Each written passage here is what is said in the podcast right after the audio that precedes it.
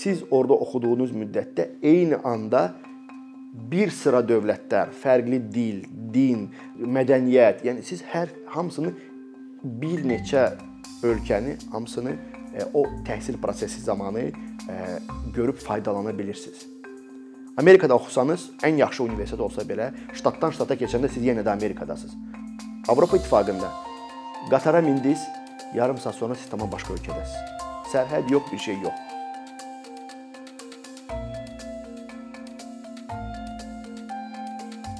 Avropa İttifaqının Erasmus Plus proqramı 1987-ci ildə yaranıb. Əsas məqsədi Avropa İttifaqı daxili tələbələrin gedib gəlməsini təşkil etmək idi. Avropa İttifaqı deyəndə ilk növbədə adamın ağlına gələn Şengen olur da. Necə ki Şengen zonası, məsələn, İtaliyanın bir vətəndaşı sərhədsiz İspaniyaya gedib gəlməsini təmin edirsə, eləcə də Erasmus həmin o İtaliyada oxuyan bir tələbənin problemsiz həmin o zona daxili, Erasmus daxili universitetə gedib gəlməsini təmin edir. Orda kreditlərin tanınması məsələsi, diplomların və s. yəni bunlar hamısı nəzərə alınır. Təbii ki, məqsəd də o idi. Biz deyirik Avropa ali təhsil məkanı.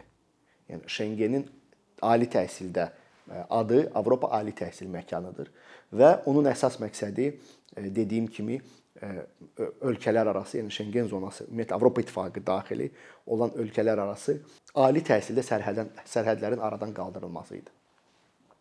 Təbii ki, 87-ci ildə başlayan həmin o e, deməli e, proses daha sonra digər ölkələri özündə ehtiva etməyə başlayıb. Azərbaycan 2005-ci ildə bilirsiniz ki, Boloniya prosesinə qoşulub və faktiki olaraq, e, yəni dövlət səviyyəsində həmin o prosesə qoşulmaqla gələcəkdə aparılan bu sahədə olan islahatların konturlarını artıq müəyyən etmiş oldu. Və bu təsadüfi deyil.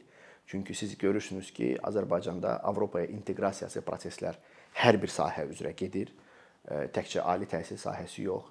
Həmin Erasmus indiki halda və ondan əvvəlki illərdə Tasis Tempus proqramları var idi. Onlar, yəni bütün bu proqramlar alətdir. Bütün bu proqramların əsas məqsədi bu prosesləri daha rahat təşkil etməkdir. Bizim üçün önəmli olan təbii ki, ilk növbədə fərdlərdir. Fərdlərin bu imkanlardan yararlanması. Azərbaycandan minlərlə tələbə Erasmusdan faydalanır. Bu ilk növbədə təbii ki, mübadilə proqramıdır. Fərdi imkanlardır, hansılar ki, tələbələr istifadə edir. Tələbə və müəllimlər, təbii ki, müəllim heyəti Erasmus hesabına e, oxuduqları və yaxud çalışdığı universitetin tələbəsi kimi gedib məsələn 2 aydan 12 aya qədər fərqli Avropa İttifaqı ölkələrində e, ali təhsillərini davam etdirib qayıdırlar ölkələrinə. Yəni bu imkanlardan bizdə minlərlə tələbələr yaranır. Daha sonra isə bütün dünyanın tanıdığı Erasmus Mundus birgə magistr dərəcələri proqramı var ki, o proqramdan artıq siz yaralandıqda ən az 2, orta hesabla 3, bəzən isə 4 diplom sahibi eyni anda sahib ola bilərsiniz. Bu proqram artıq yəni mübadilə proqramı deyil, tam dərəcə verən proqramdır. Burada siz artıq 2 il ən azından oxuyursunuz və təbii ki, bütün sizin xərcləriniz həm ölkədən ölkəyə getməsi üçün, həm aylıq məvaciblər, təqaüdlər, onlar hamısı nəzərə alınır.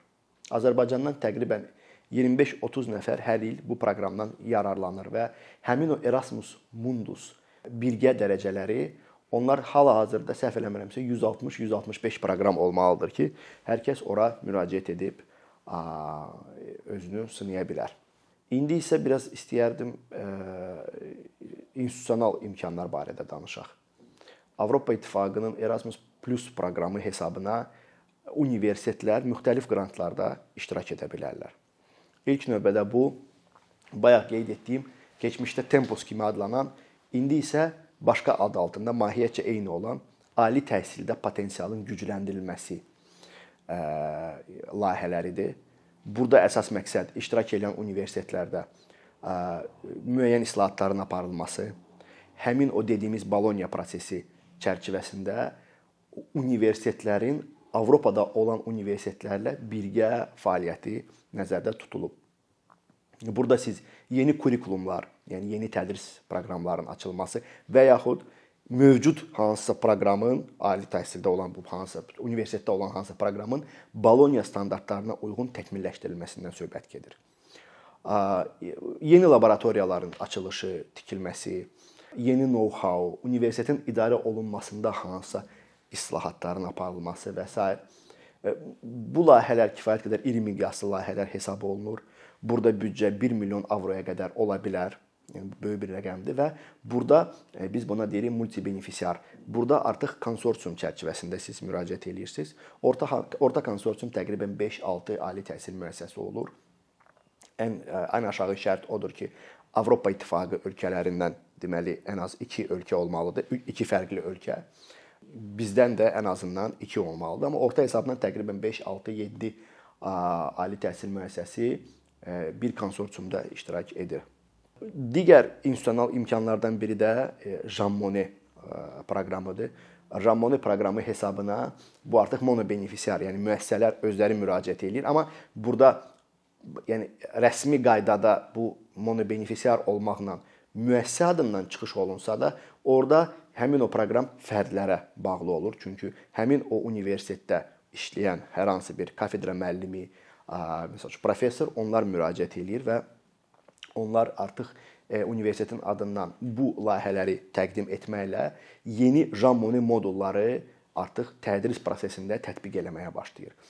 Ali təhsildə potensialın gücləndirilməsi layihələrinə qayıtdıqda isə onu deyə bilərəm ki, indiyədək 40-dan çox layihə Azərbaycan icra eləyib. Yəni təsəvvürə gətirin, bir layihə əgər 1 milyon avro civarındadırsa, bu nə qədər maliyyə deməkdir.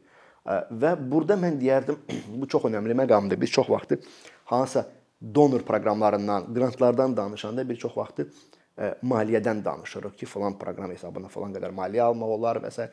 Məncə mən artıq mən neçə ildir işləyirəm. Məncə burada olan ən böyük üstünlük maliyyə deyil, əlçatanlıqdır. Yəni siz artıq bu layihələr hesabına Avropada əsrlər boyu formalaşmış ali təhsildə olan know-how-ya siz əl, əliniz çatır. Siz onu Azərbaycanda tətbiq edə bilərsiniz.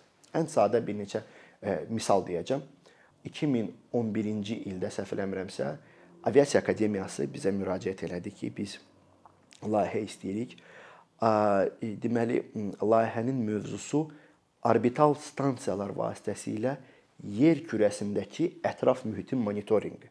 Siz bilirsiniz ki, Xəzərdə bu çox önəmlidir. Xüsusilə neft ləkələri var. Onların e, identifikasiyası, o yəni o, təhlili və s. üçün yəni ayrıca bir ixtisas açıldı. Burada önəmli olan məqam nədir?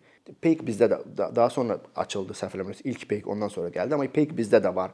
Peyk orada önəmli olan o proqram təminatıdır ki, o Peyk vasitəsilə siz bunları edə bilirsiniz. O Avropada yalnız 3 ali təhsil müəssisəsində var idi. Yəni bütöv Avropada yalnız bu texnologiyalar, bu imkanlar biri də Berlin Texniki Universiteti idi ki, həmin o layihədə Berlin Texniki Universitetinin işləməsi hesabına Aviasiya Akademiyasında və Azərbaycanda 2 daha universitet var. Onlarda həmin o ixtisas açıldı. Lazımlı avadanlıq və qurğular var xüsusi. Onlar layihə hesabına alındı və ondan sonra həmin o ixtisas üzrə tələbələr artıq sırf bu sahə üzrə təhsil almağa başlayıb. Başqa bir növ deyə bilərəm. 2007-ci ildə Azərbaycan Tibb Universitetində layihə hesabına ilk dəfə Azərbaycanda immunoloji laboratoriya açılmışdır. Sırf layihə hesabına. Orda yəni o vaxta qədər yox idi. Bu tipli örnəkləri çox demək olar. Yəni mən istəyirəm e, dinləyicilər, bizi izləyənlər başa düşsün ki, bu proqramların əsas mahiyyəti maliyyə deyil sizə verilən imkanlardır. Avropa İttifaqında ən qədim universitet bilirsiniz hardadır da? Yəni ki, Bologna Universiteti də 11-ci əsrdə e, deməli e, yaranan bir universitetdir. 3 əsr sonra e, qədimdə, yəni tanıdığımız Leonardo da Vinci kimi alim rəssam orada gənc tələbə olub. Yəni sırf təsəvvürünüz yaransın deyə demək istəyirəm ki, Avropa İttifaqında, Avropada olan ali təhsil müəssisələri əsrlər boyu 10 əsrlə, yəni onlar artıq fəaliyyət göstərib və bizim əsas məqsədimiz orada olan imkanları, orada olan know-how-nu, texnologiyaları, həm tədris prosesində istifadə olunan texnologiyalar və s.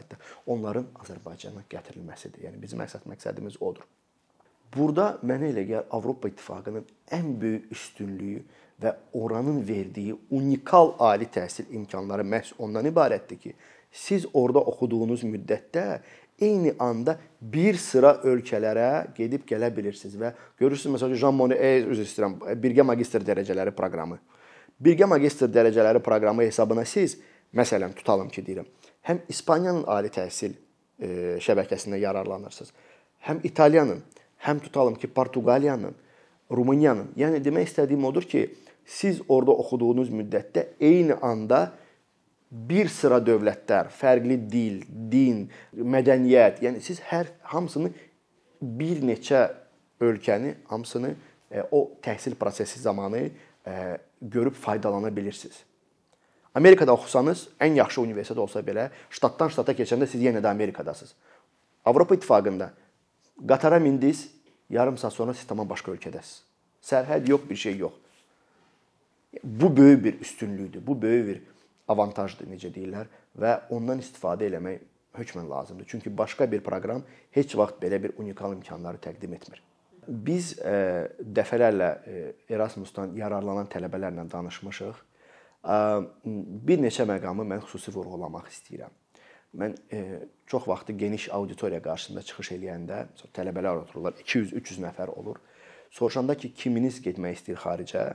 Hamı əlini qaldıracaq ki, getmək istəyirəm. Mən öz təcrübəmdən bilirəm ki, oradan faktiki olaraq ən sonda gedən tələbə məsələn 10 nəfərdən bəlkə də biridir.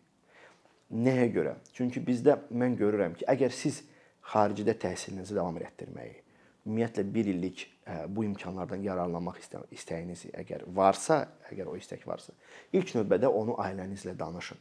Biz onu görürük, əfslər olsun ki, bizdə hələ də bu valideynlərlə bu danışılmır deyənə tələbələr ən son anda getməməyə məcbur qalırlar. Sənədləri, bütün lazımlı məsələləri o getib etməzdən əvvəl həmişə çalışın əvvəlcədən hazırlayasınız, axırıncı günə saxlamayasınız. Əfsus, çox əfsus pandemiya dövründə vizaların alınması xüsusilə də bir çətin bir prosesə çevrildi pandemiyadan qabaq elə deyildi. Amma pandemiyadan sonra biz görürük ki, adətən məsəl üçün 1-2 həftə, 3 həftə gələn vizalar 2-3 ay e, hərdən siz gözləməli olursunuz. Özdəki ən çox bu məşhur istiqamətlərdədir. Yəni biz məsəl üçün İtaliyaya gedən tələbələrdə görürük ki, onlar çətinlik çəkirlər və yaxud Çexiya çalışın. Həm mümkün dərəcədə çalışın ki, əvvəlcədən siz ə, sənədləri və s. hər şey hazır olasın. Başqa bir məsələni mən deyərdim. Tələbələrimiz müraciət eləyəndə mən görürəm çox vaxtı ə, lazımlı qaydada o müraciət üçün lazım olan sənədləri, yəni getmək üçün yox, sırf yəni ərizə ərizədə ə, biraz tənbəllik eləyirlər. Axırıncı günə yenə dediyim kimi onu da saxlamayın. Bir tələbənin Erasmusdan faydalanması üçün oxuduğu universitetin e, xarici əlaqələr şöbəsinə ilk növbədə müraciət etməlidir. Bizim hal-hazırda hansı Erasmus müqavilələrimiz var? Çünki bir neçə ola bilər. Hər bir müqavilə ayrıca bir ixtisas üzrə olur. Və ən çox vaxtı bizə verilən sual odur ki, e, bizim ixtisas üzrə müqaviləmiz yoxdur. Niyə yoxdur? Əslində bunu bizə yox, universitetlərinə ünvanlamalıdırlar və mən sizə bu başdan deyə bilərəm ki, əgər yoxdursa, Ona görə yox ki, universitet pis deyil. Xeyr. Sadəcə olaraq həqiqətən də o qədər də asan bir proses deyil. Bir universitet digər universitetlə e, o müqaviləni imzalayana qədər həddən artıq çox uzun bir prosesdir. Professorlar bir araya gəlib e, müzakirə eləyirlər kreditləri, kreditlərin tanınmasını və s. Mən sizə deyim ki, 10 il bundan əvvəl bu proseslər çox daha çətin gedirdi. İndi biraz daha rahat gedir, amma yenə də vaxt lazımdır onun üçün. Və təbii ki, əgər bir universitetdə 10 min, 15 min, 20 min tələbə oxuyursa, hər kəs üçün Erasmus imkanları eyni anda təqdim etmək mümkün olan bir şey deyil. Əfsus. Mən şəxsən nə qədər tələbə tanıyıram ki, sırf o ixtisasda Erasmus var deyə məhz o ixtisası seçirlər seçimlərində müraciət eləmək üçün. Elələri də var. Halbuki mən deyirəm bu yaxşı bir şey deyil, çünki siz çünki ikinci, üçüncü kursun tələbələri adətən gedir mübadiləyə. Siz ikinci kursa çatana qədər bəlkə heç o anlaşma artıq e, bitəcək, heç olmayacaq. Çünki onun da müəyyən bir vaxtı vaxtı var, 2 il, 3 il. Bir tələbə əgər e, bitiribsə universiteti və Erasmus Mundus birgə magistr dərəcələrinə müraciət etmək istəyirsə, artıq elektron kataloq var. İstədiyiniz ixtisası oradan seçib birbaşa ixtisasa müraciət edə bilərsiniz. Hamısı onsuz da elektrondur indi. Thank you.